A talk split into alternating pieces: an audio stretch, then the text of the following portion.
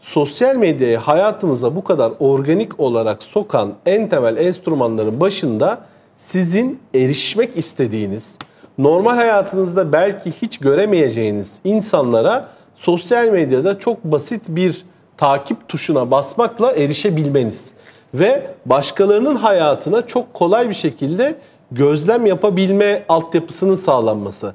Aslında baktığınızda sosyal medyanın ekonomik olarak kazancını ve ilgisini en temel sağlayan unsur bu.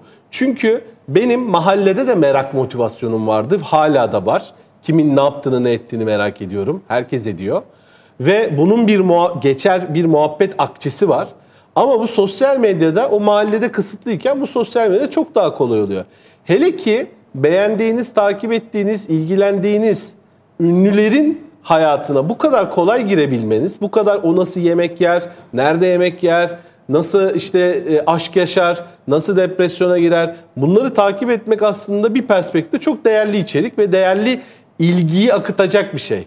E şimdi bu böyle olduğunda o zaman siz de ister istemez gün içerisinde sürekli öykündüğünüz insanları izliyorsunuz.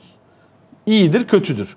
Öykündüğünüz insanları izlediğiniz zaman bir yerden sonra onların refleksleri, onların beğendikleri, onların gittikleri mekanlar sizin hayatınızda değerli ve öykünülen yerler oluyor. O zaman ne yapıyorsunuz? Siz oralara gitmeye çalışıyorsunuz. Onların içtiği içecekleri içmeye çalışıyorsunuz. Ya da az önce Kaan dediği gibi sabah ritüellerinizi onlar gibi yaşamaya başlıyorsunuz.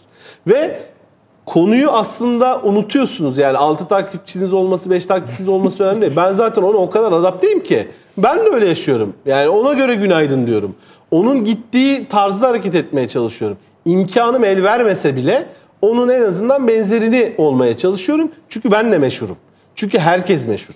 Dolayısıyla bu perspektifte aslında bizim bütün bu hayatımızı dizayn ederken özellikle tırnak içinde öykündüğümüz meşhurlara bu kadar kolay erişebiliyor olmamız o mahallelerdeki motivasyonlarımızı gıdıklıyor ve bunu çok daha büyük ölçü, ölçeklere yayıyor. Dolayısıyla bizde de bu tip davranışlar sergilememizi sağlıyor.